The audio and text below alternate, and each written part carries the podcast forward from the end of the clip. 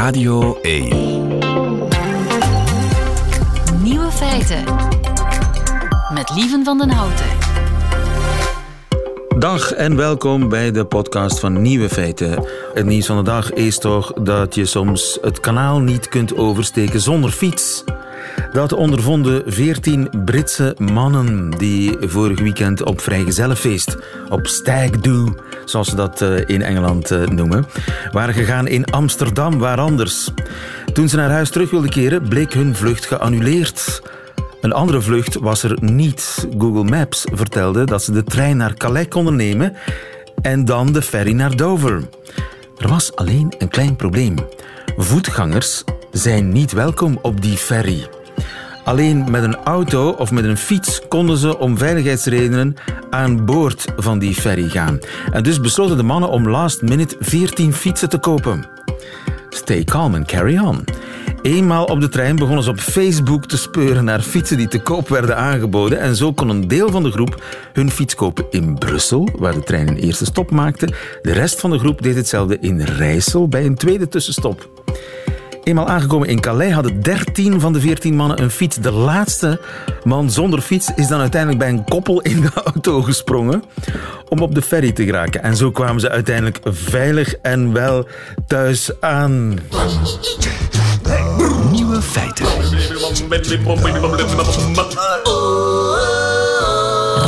Radio 1.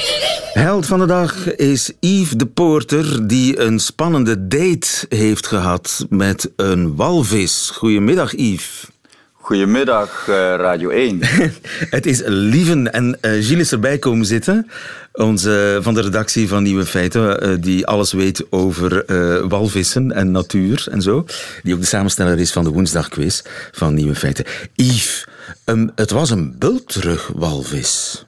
Ja, dat wist ik pas achteraf. Ik zag gewoon een, een, een hele grote vis, waarvan dat ik natuurlijk direct doorhad dat het een walvis was. Maar welk type walvis het net was, ja, daar, daar had ik het raden naar. Maar wat is er gebeurd? Je was aan het surfen. Ja, ik was aan het surfen. Het was uh, wingfoil surf.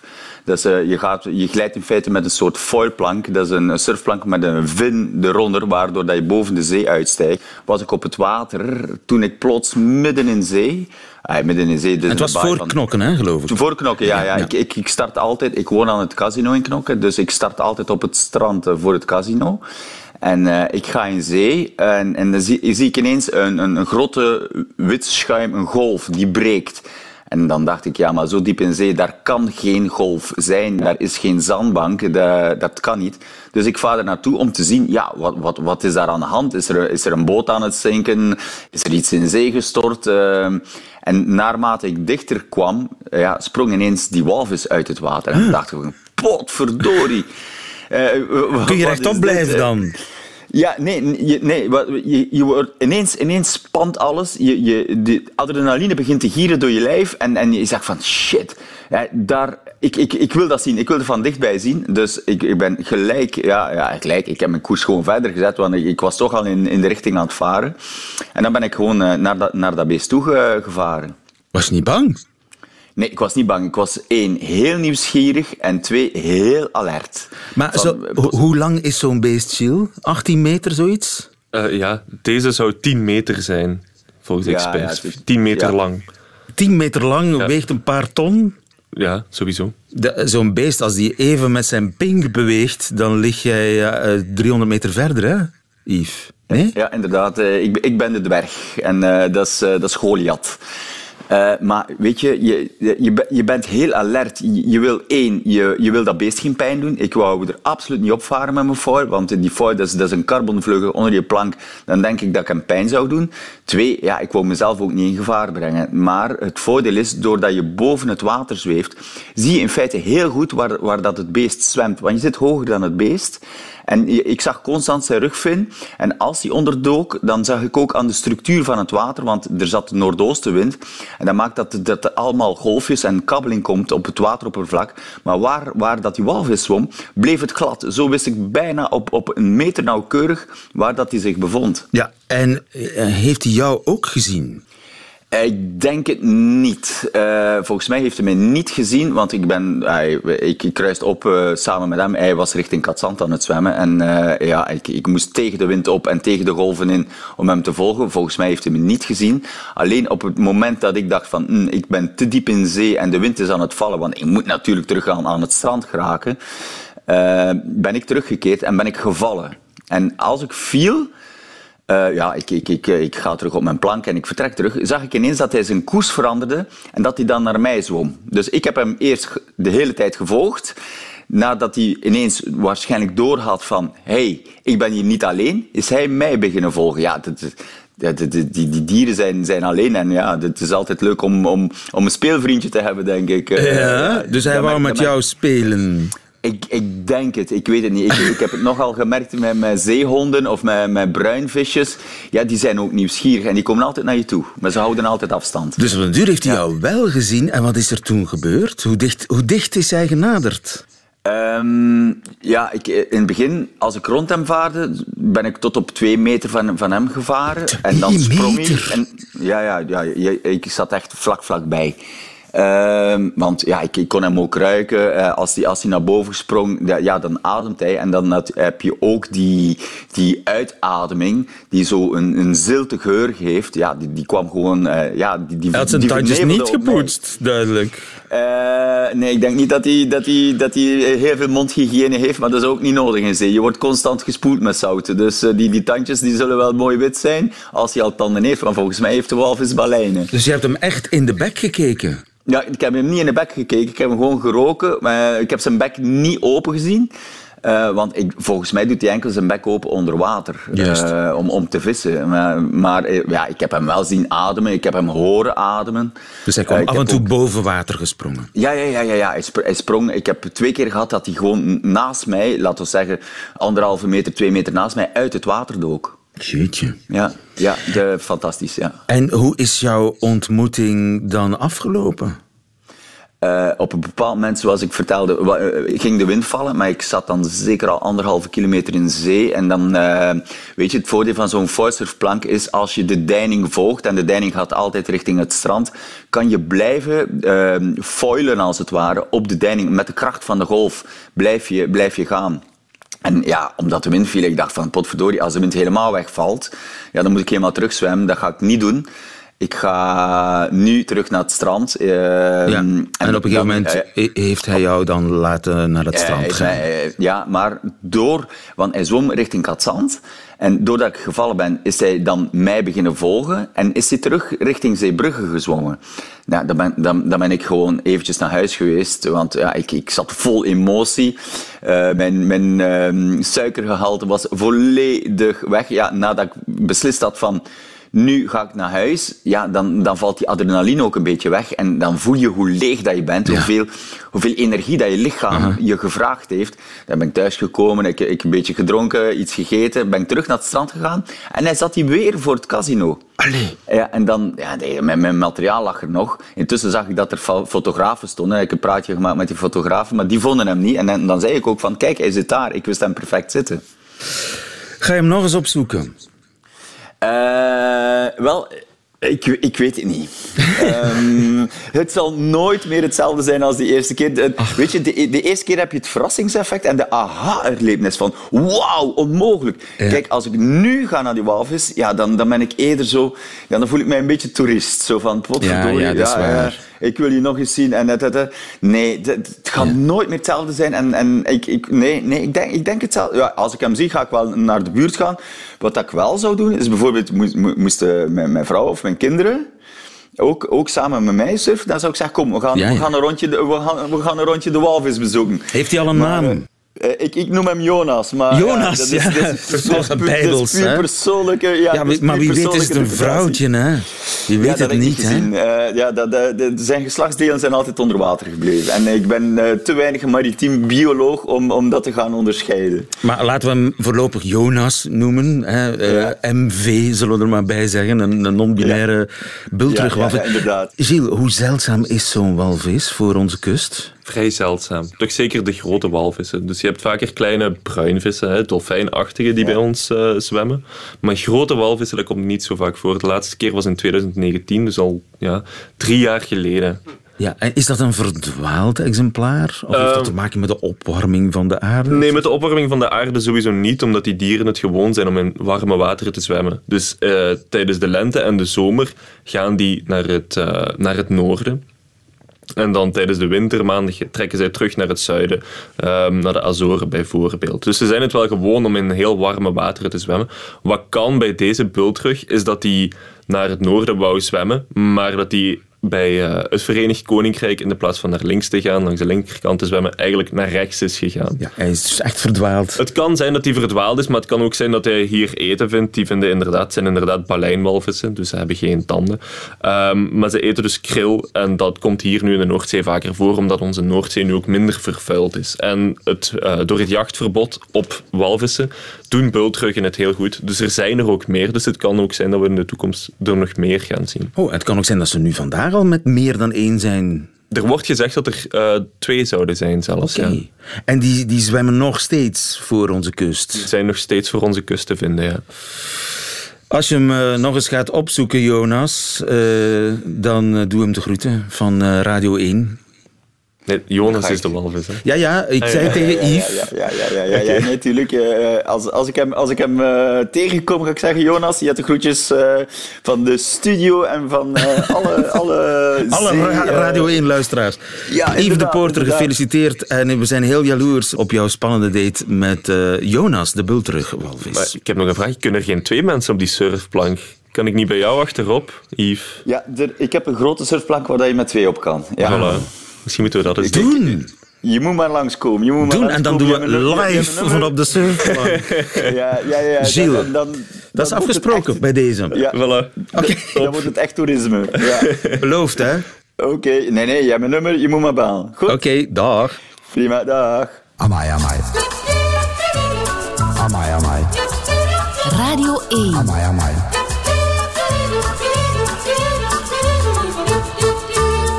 Feiten. Wellicht spreekt u, zonder het zelf te beseffen, een aardig mondje regenboogs. Regenboogs, inderdaad, dat is een taal die over de hele wereld wordt gesproken en bestudeerd. Dat zegt Sterre Lufkens in het volledig vernieuwde tijdschrift Onze Taal. Goedemiddag, Sterre. Goedemiddag. Je bent docent aan de Universiteit van Utrecht, taalkundige. Spreek jij een beetje Klopt. regenboogs? Uh, ik vermoed van wel, ja. Uh, maar zoals je al zei, uh, ben je daar niet altijd van bewust. Ik ken in ieder geval wel een aantal woorden uit het regenbooglexicon. Zijnde, noem eens wat. nou, er zijn natuurlijk allerlei bekende termen om regenboogmensen te benoemen. Dus homoseksueel, gay, queer, lesbisch, panseksueel, al dat soort termen. Die termen horen ook al bij het regenboogs. Ja, precies. De termen om de regenboogmensen te benoemen. En daar zijn er uh, nogal veel van. Ook non-binair, genderfluïde, intersexe. Dat hoort allemaal eigenlijk bij dat lexicon, ja. Ja, maar dat zijn eigenlijk min of meer internationale termen. Maar eigenlijk is het regenboogs niet één taal. Hè? Het is een taal die overal ter wereld in een lokale versie wordt gesproken.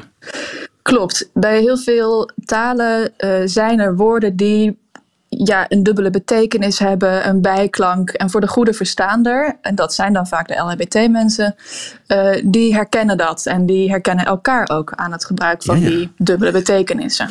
Regenboog Vlaams bijvoorbeeld zou kunnen zijn van sport. Of, dat zou kunnen, die is of, voor mij niet uh, herkenbaar. Die ken je niet, hè? Van, nee. de, van de familie. Ah ja, ja die ken van ik wel. de familie. Ja. Oh, dat bestaat, dat is ook regenboog Nederlands. Ja, ja zeker. Ja. Wij zeggen of van, van de, de familie. Kant ook van, van, van, de verkeerde kant, ja. Ja. Van het sport, van de parochie. Wordt of Oh, werd ja. vroeger zeker uh, uh, vaak uh, gebruikt. Is daar veel academische interesse voor? Voor die ja, geheimtaal, zeg maar, van regenboogmensen overal ter wereld? Ja, zeker. Dat is er ook steeds meer. Um, in uh, de jaren negentig is dat begonnen in de VS. Of daar is een groep taalkundigen begonnen om daar echt uh, systematisch onderzoek naar te doen. En dat wordt steeds internationaler. Er is ook elk jaar een congres specifiek over dit onderwerp. En ook in Nederland zijn er uh, on, inmiddels onderzoekers die, die zich hiermee bezighouden, steeds meer. En wat zijn de vroegste vormen van regenboogs? Um, nou, vaak uh, zijn dit soort dingen ja, worden niet echt opgeschreven. dus het is een beetje moeilijk om echt de alleroudste vormen ervan te achterhalen. Maar een bekende historische regenboogtaal is het Polari. Een versie van het Engels, die daar in de ja, 19e, 20e eeuw in ja, gay bars werd gebruikt. Het Polari? Het Polari, inderdaad. En dat was, hoe klonk dat? Wat was dat? Ja, het is een soort mengtaal. Er zitten ook veel Italiaanse woorden in, uh, Jiddische woorden. Ook Engelse woorden waar een, een of ander grapje mee uit is gehaald. Bijvoorbeeld het woord hair werd dan raya, dus omgekeerd, de klanken omgekeerd. Um, en ja, ook weer voor de goede verstaander, die uh, begreep de dubbele betekenissen van die woorden. En die kon op die manier vrijheid communiceren over allerlei homozaken. Uh, zonder dat het direct voor de niet goede verstaander begrijpelijk was. Het was dus als een, een soort geheimtaal, een, soort codetaal. code in code spreken, want ja, het was strafbaar exact. natuurlijk. Hè, mensen. Ik heb Precies. een stukje teruggevonden van een, een kortfilm, een recente kortfilm, maar die speelt zich af in de jaren 60. Twee mannen die tegen elkaar praten op een bankje en ze praten in het Polari. Bonabats, what size your plates? Ten, I think. What about your lappers? They're size 10 too. Could you play the Striller's real Ze hebben het over afmetingen van iets. How do you mean? I've got your number, Ducky. Pauline told her to shove a shackle up a kaiba. She didn't say that. Mate, we, Ducky, we in your actual English. Yeah, she's all wind and piss, Pauline. Ik heb daar niets van begrepen, behalve dan dat ze uh, she gebruiken voor he, denk ik, hè? Ja, dat is zeker een kenmerk. Ja, nee, ik kan het ook totaal niet volgen op deze manier. Terwijl alle woorden op zich, als je woord voor woord gaat kijken, kun je het wel herleiden wat het betekent. Maar in dit tempo is het niet te verstaan voor iemand die het niet uh, regelmatig gebruikt. Nee. En dat was precies de bedoeling, hè? Precies, dat, daar ging het om, ja. Want dat Polari, werd dat alleen door de regenboogmensen gebruikt? Uh, aanvankelijk wel. Dus zeker begin 20e eeuw was het echt uh, beperkt tot die homobars. Maar op een gegeven moment uh, werd het opgepikt door de mainstream media, zoals we dat nu zouden noemen. dus er kwam op de BBC een, een soort komische serie waarin ook Polari werd gebruikt. En toen werd het dus voor iedereen bekend en, en verstaanbaar. En daarmee verloor het ook zijn functie. En in die tijd werd ook homoseksualiteit ja, steeds, minder, steeds meer legaal. Um, dus was het ook minder nodig als codetaal. Ja, het woord dishy bijvoorbeeld, hè, wat nu heel courant Engels is voor iemand die aantrekkelijk is, he looks dishy. Ja. Dat komt Ja. oorspronkelijk uit het Polari. Exact, ja. Een lekker hapje, ja. En zelfs het woord camp zelf Ja, schijnt Polari te zijn. ja. Zijn er nog dus steeds... het heeft echt eh, zijn weg gevonden naar het, eh, naar het standaard Engels eigenlijk, ja. Ja, inderdaad, camp voor ja, iets wat eh, eh, ja, zodanig eh kitsch is dat het weer cool wordt, zoiets. Precies, ja. En zijn, er zijn nog landen waar het strafbaar is. Hè? Hebben we enig idee of daar ook een soort van polari wordt gesproken? Rusland bijvoorbeeld. Ja, we weten het een beetje. In Rusland heb je inderdaad het eh Goluboy. Het Ook een, Goluboy. Ja, soort Polari, maar dan hedendaags in het Russisch, ja. En Goluboy, wat betekent dat? Het, is, het betekent van alles. Het is eh, het woord voor een lichte versie van blauw, een soort lichtblauw. Ook het woord voor duif en het woord voor een homoman. Ehm, die dingen zijn gerelateerd. Eh, dus duiven hebben die kleur, Goliboy. En eh, in de tijd dat het Goliboy, de taal, ontstond, ontmoetten homo's elkaar op een plein in Moskou waar veel duiven zaten. Um, en als de politie er aankwam, ook toen was het natuurlijk illegaal om uh, homo te zijn, uh, dan zong je het liedje Vlieg, duif, vlieg. Dat was een hit in die tijd. En dan uh, wist je dat je moest wegwezen. En op die manier zijn dus die woorden met elkaar verbonden geraakt. En is Goliboy het woord geworden voor homoman en voor de taal die zij gebruiken. Wauw. Rusland. Zelfs vandaag nog. Eh, De Filipijnen, ja, het aantal landen waar het verboden is, is natuurlijk. Uh, de lijst is langer dan de, de, Helaas. de, de, ja. de, lijst waar het niet verboden is, of althans waar het de gelijkberechtiging is. Dus in Filipijnen, ja. ik noem maar wat. Ja, ook daar. Uh, daar heet het ook wel Swartspeak of uh, Gay Filipijns ook wel. Uh, en ook daar een soort geheimtaal, hoewel het ook wel steeds meer gebruikt wordt door uh, uh, hetero mensen in, de, in werelden waar veel LHBT'ers werken. Bijvoorbeeld in de mode, in de filmwereld. En ook daar zie je, ja, net als bij het Polari, dat er veel woordgrapjes en klankgrapjes worden uitgehaald. Zoals? Bijvoorbeeld je, nou, je vervangt bijvoorbeeld vaak de eerste letters van een woord door Joe of Jew. Dus het Engelse woord obese uh, is in die in Filipijnse regenboogtaal jubis. Uh, vaak ook woordspelingen op namen. Um, iemand die er ordinair uitziet, uh, noemen ze daar wel een Mariah Carey. Want Mariah klinkt een beetje als Mura, het Filipijnse woord voor goedkoop. Oké, okay, met Mariah Carey zelf heeft dat natuurlijk niks te maken. Nee, precies. Nee, nee die ziet nee, er niet ordinair zeker uit. Niet, Juist zeker niet nee. ordinair uit. Wauw, en uh, in landen waar het dan uh, niet langer een probleem is dan, en dus niet langer een soort van geheimtaal nodig is, verdwijnt dan dat regenboogtaaltje niet?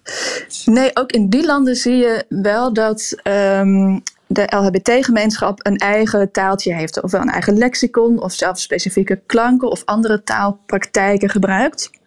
En daar verandert dus eigenlijk de functie van een soort geheimtaal naar juist een manier om je te laten zien. Om kenbaar te maken, kijk, ik hoor bij deze gemeenschap. Eigenlijk een soort van regenboogvlag die je op je taal zet.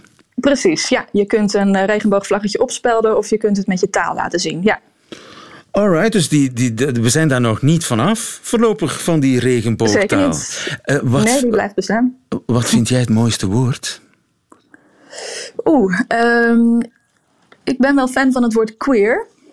Ook weer om uh, LHBT'ers te benoemen, omdat het een. Uh, nou, sowieso vanwege de geschiedenis. Ooit was dat een scheldwoord, maar het is ja, gereclaimed, zoals dat dan tegenwoordig heet, door de gemeenschap. En nu een term uh, ja, die mensen vol trots gebruiken. Ja, vroeger, eigenlijk betekent het, het raar, hè? Vreemd. Queer is raar, Precies. Hè? Maar dat, ja. Het is een geuzennaam die je gewoon kaapt en zegt van oké, okay, ik ben queer. Exact. Vanaf nu gebruiken we dat. En uh, dat voorkomt dat je allerlei veel preciezer labels uh, moet gaan hangen op, uh, op wie je precies valt, ja. wat je precies en dat voor gender hebt. Dat, dat, dat je die, die, die rare acroniem LGBTQIA moet gebruiken. Precies, ja, dat is nogal een uh, tongbreker uh, in een. Uh, queer is dan iets simpeler. En het woord queer, ja, en dat benadrukt ook dat het één groep is van mensen die zich verbonden voelen. Hierin. Ik heb, ja. ik heb ooit eens lang geleden zo'n boekje gevonden en dat heette Lesbiaans. Ja. Daar stonden ook prachtige uitdrukkingen in. Ja, ik heb het ook in de kast staan. Ja, ja. heel grappig vroeg, vroeg in jaren negentig. Ik herinner mij het woord berggeiten. Ja, uh, ja, dat gaat over een lesbisch stereotype. Dat is een uh, lesbisch stel dat een teruggetrokken leven leidt. Bij voorkeur in de natuur. nou, ik zie daar meteen uh, een aantal mensen bij vormen. Ja. Ze bestaan. Zeker, zeker. Er is literatuur over, eh, onder andere in het boekje. Ik denk dat het ja, vroege jaren negentig ergens uh, uitkwam. Misschien dat het nog ergens te vinden is. Uh, lesbiaans heette dat. Bergheid, lipstick, ja, lesbienne. En, en, en, maar ook poenpot, dat soort woorden. Prachtig. Ja. Regenboogtaal. Uh, overal ter wereld wordt die gesproken en door taalkundigen bestudeerd. Sterre Leufkens, dankjewel. Goedemiddag. Bedankt, goedemiddag.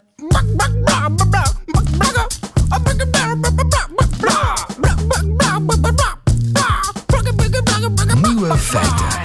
Mocht u toevallig kip met rijst op het menu hebben staan vandaag, of nu aan het eten zijn, bijvoorbeeld, weet dan dat u die kip aan die rijst te danken heeft. Ik verklaar mij nader. Zonder rijst geen kip. Dat blijkt uit een nieuwe studie over het ontstaan van de kip. Dominique Adriaans, goedemiddag. Goedemiddag. Je bent professor evolutionaire biologie aan de Universiteit van Gent. En het zijn collega's van u, van de universiteiten van München en Oxford, die een nieuw licht werpen op kip nul. Want die was er Ja. ooit, hè? Er is ooit een kip nul Ja. geweest. Ja, ja, en dat is nog los van de kip en het ei eh, vraagstelling. Ehm, Eerst de rijst, dan de kip. Die, dat is, Ja. Die kwestie is opgelost, Eh. want er is ooit een huiskip ontstaan uit een wilde vogel.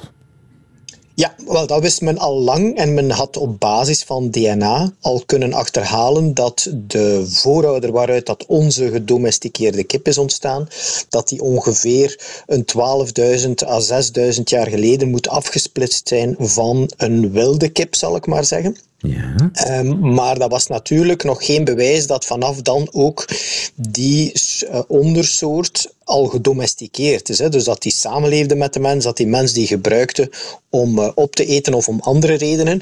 En dat nieuw onderzoek heeft daar nu een datum kunnen op plakken Aha. die toont dat dat toch wel verrassend recent was. Zeker als je het vergelijkt met andere dieren die gedomesticeerd zijn geworden. Dus de eerdere schatting- schattingen waren 12.000 tot 6.000 jaar geleden. Dat is heel breed natuurlijk. En wat is die nieuwe datum dan ongeveer? Wel, men heeft dat uh, gedateerd dat de, de oudste uh, vormen, en die heeft men in, in Thailand in een archeologische site kunnen vaststellen. Hè. Die, die site noemt Ban Non Wat. En die site is uh, gekend van 1650 tot 1250 jaar voor Christus, dus ongeveer 3500 jaar geleden. En daar heeft men dus de oudste archeologische vondsten gedaan, die erop wijzen dat de, de kippen, of althans wat ze van afgeleid zijn, de rode kamgoenen of, of bankiva-goenen worden die genoemd, die daar in die regio in het wild voorkomen, dat men ze daar gevonden heeft, waaruit men uit die skeletten heeft kunnen afleiden dat dat niet zomaar hier en daar zo een wilde uh, rode kamhoen was die daar in die site rondliep, maar dat die daar in aantallen voorkwamen. Dat waren allemaal jonge beestjes, die waren uh, ook in graven gevonden, wat er al op wijst dat die dus gedomesticeerd werden vanaf dan. En Ja. daar. En de, de standaard rode kamhoen, zeg maar, die in het wild rondvliegt in eh, Thailand, die, ehm, die ziet er helemaal anders uit dan, dan onze standaard kip. Maar het hangt, inderdaad, hangt er een beetje vanaf. Als je zo een, eh, de typische legkippen als van bij ons gaat nemen, eh, dan ga je daar niet zo denderend veel misschien gaan herkennen als de oorspronkelijke. Maar als je, laat ons zeggen, ehm, niet te sterk gekweekte voor vlees of eieren eh, rassen gaat bekijken, dan zitten er... Allee, je gaat wel direct iets kipachtig herkennen Ja, ja. ehm, in die oorspronkelijke wilde vormen. maar ze Ehm, en er vlogen zijn ook een rond. vijftal ondersoorten. Ze vlogen gewoon rond, ze zaten in de bomen. Ah, Wel ja, uiteindelijk is het behoorlijk groep van de hoenders, hè, waar ook de fazanten en zo toe behoren. Ehm, en die zijn algemeen wel gekend als niet de beste vliegers zijn. Maar Ja. dus die, die kruipen wel in bomen, zitten daarin, maar je gaat eh, zelden of nooit dus bijvoorbeeld een hele kudde eh, kippen zien overvliegen, zoals je met de andere vogels wel Ja. kan zien. En dus 3500 jaar geleden zijn er rode kamhoenen gesignaleerd die eigenlijk samenwoonden met mensen. Ja, dat heeft men dus kunnen vaststellen. Ehm, en men heeft bijvoorbeeld eh, intacte skeletten, dus niet dat er stukjes afgehaald waren of zo, en losse beentjes. Men heeft intacte skeletten Ja. gevonden in graven. Ehm, en men heeft ook van jonge individuen. En daaruit kan men afleiden van, ehm, ja, die zijn daar niet terechtgekomen omdat ze van ouderdom gestorven zijn. Dus die zijn daar bewust bijgestoken. En dat is natuurlijk een fenomeen dat men ook al, al van vroeger kent. Dat men dus objecten en, en, en andere dieren of plantenmateriaal meegaf aan een graf. Eh, om dan degene die dan in het hiernamaals terechtkwam, dat hij waarschijnlijk daar dan iets eh, om een gezelschap Ah, ja. of zo had. Een gezelschap van een Ehm, maar kip. dat is... Ja. Het- ja, het is be- beter dan niks. Maar ik vraag me dan af, hebben de mensen dan die, die kamhoenen gevangen en getemd? Of zijn die kamhoenen bij die mensen gaan wonen spontaan? Het is het tweede geval wat alles daar toch in die richting op wijst. En dat Aha. heeft dan te maken met die rijst. Ehm, het blijkt dat dus eh, in die zone, waar dat, dus in Thailand, in die regio, waar dat die oudste vondsten zijn gevonden, dat op die periode leefde daar die, die voorouder ook in die regio en was dan ook rijst, werd rijst geteeld. En dan vooral nog in, in ehm, de manier waarop dat, dat gewoon droog op velden was. En als gevolg krijg je natuurlijk ja, die, die rijstkorrels, die vallen ook op de grond. En dat was natuurlijk aantrekkelijk voor die eh, wilde vormen die in de buurt van de mensen eh, in, in de wouden leefden. En die zijn dus zo langzaam en meer en meer op die velden komen eten van de rijst en zo gewoon geworden aan de mens en op die manier uiteindelijk gedomesticeerd geworden. Dus eigenlijk een beetje gelijkaardig als met de hond, die ook eerder is gaan samenleven met de mens en daarna verder gedomesticeerd is geworden, eerder dan dat de mens als het ware bankiva-hoenen is gaan vangen om die dan te gaan kweken ehm, voor eigen consumptie of, of andere redenen. Het was dus eigenlijk een, een win-win situatie die ervoor gezorgd heeft dat eh, kip en mens dichter bij elkaar zijn gekomen. Ja, nog zeker in het begin. Achteraf is dat voor de kippen iets minder voordelig uitgedraaid. Eh, was het vooral voor de mens. Eh, maar initieel wel inderdaad, ja. Ja, dat was nog voor ze beseften dat ze in de pan terecht zou komen natuurlijk. Ja, en dat is ook verrassend. Ehm, het heeft een tijdje geduurd vooraleer, dus al duidelijk bewijs dat die kip al lang samenleefde met de mens. En het heeft eigenlijk geduurd tot uh, vooral eigenlijk de tijd van de Romeinen. Ehm, tegen dan waren de kippen ook al terechtgekomen in, in Europa, onder andere in Italië. Dat zijn de oudste vondsten in Europa zijn van Italië gekend, van ongeveer 2900 jaar geleden. Um, en het is pas eigenlijk vanaf de periode van de Romeinen dat men begint snijsporen te zien op de beenderen. En dus eerder losse stukjes, wat erop wijst dat ze eigenlijk vanaf dan pas als voedsel zijn beginnen dienen en ze eerder eerst als gezelschapsdier of om in een graf mee te geven um, zijn gebruikt geworden. Oh ja. Dus dat is ook wel verrassend. Dus zou je kunnen besluiten dat de Romeinen de eerste waren om een kip op te eten? Of dat ze nu effectief de eerste waren, maar men ziet in de archeologische sites toch dat vanaf uh, het, het, gebruik van de kip bij de Romeinen, dat ze dan toch meer en meer als voedsel werden gebruikt en minder als uh, gezelschapsdier of andere uh, functies. Ja, maar hoe dan ook, we moeten besluiten, geen kip zonder rijst. Inderdaad, had er misschien helemaal anders uitgezien. Dominique Adriaans, dankjewel. Goedemiddag. Graag gedaan. Nieuwe feiten. Middagjournaal. Beste luisteraar. Gisteren was een geweldige dag. Ik moest opdraven op de set van Zonder Afspraak, een nieuwe komische reeks van schrijver en regisseur Yahya Terrein. Onthoud die naam, al was het maar omdat ze een beetje grappig is. In de reeks heb ik een hele kleine rol, één scène maar. Ik speel een uitvergrote versie van mezelf. Een beetje zoals Johnny Depp deed in Extras. Inderdaad, ik heb mezelf net op dezelfde hoogte geplaatst als Johnny Depp. De acteur wel, niet het onderwerp van de memes. Ik was meteen onder de indruk van de mensen en de sfeer op de set. Iedereen leek over te lopen van talent en had een functie die ik niet begreep. Eén iemand keek de hele tijd met een apparaat naar de hemel en kon precies zeggen over hoeveel minuten er een wolk voor de zon zou komen hangen. En dat was belangrijk voor de cameraman. Omdat ik mezelf zou spelen, was mij van tevoren gevraagd een paar outfits mee te nemen die Otto Jan Ham in het echt ook zou dragen. Gelukkig had ik die outfits thuis wel liggen. Ook moest ik foto's van mijn gezicht doorsturen, zodat de dienst make-up zich zou kunnen voorbereiden. De make-up artiest deed er lang over om mijn haar en baard precies goed te krijgen. Samen keken we in de spiegel. Ze vroeg of ik een beetje leek op mezelf. Ik meende van wel. Qua outfit mocht ik uiteindelijk gewoon aanhouden wat ik aan had. Dat was namelijk erg Otto Jan Ham. Het draaien van de relatief korte scène duurde lang. Maar dat had vooral te maken met de wolken die maar niet wouden blijven hangen waar ze hingen. Ik deed heel erg hard mijn best. Ik leefde me in in mijn personage, ook al was dat een uitvergrote versie van mezelf. Ik verzon er stiekem wat dingen bij, bijvoorbeeld dat deze Otto kampte met een drugsverslaving en verschrikkelijk ijdel was. Beide zijn slechts half waar. Ik acteerde. Toen het erop zat, maakte ik wat flauwe mopjes over het feit dat het mijn laatste draaidag was en dat ik iedereen enorm zou missen. En dat het voelde alsof we familie van elkaar waren geworden. Het was niet eens gelogen, hoogstens een beetje uitvergroot. Gelukkig belde Lien van de productie toen ik naar huis reed om te zeggen dat ik mijn computer daar was vergeten. En dus heb ik nu een excuus om nog eens terug te gaan. Gisteren was een geweldige dag. En vandaag is vandaag. Mijn jongste dochter Gloria is jarig, ze wordt twee. Ik had een feesthoedje opgezet toen ik haar melk bracht. Ze heeft mij vervolgens heel hard in mijn been gebeten.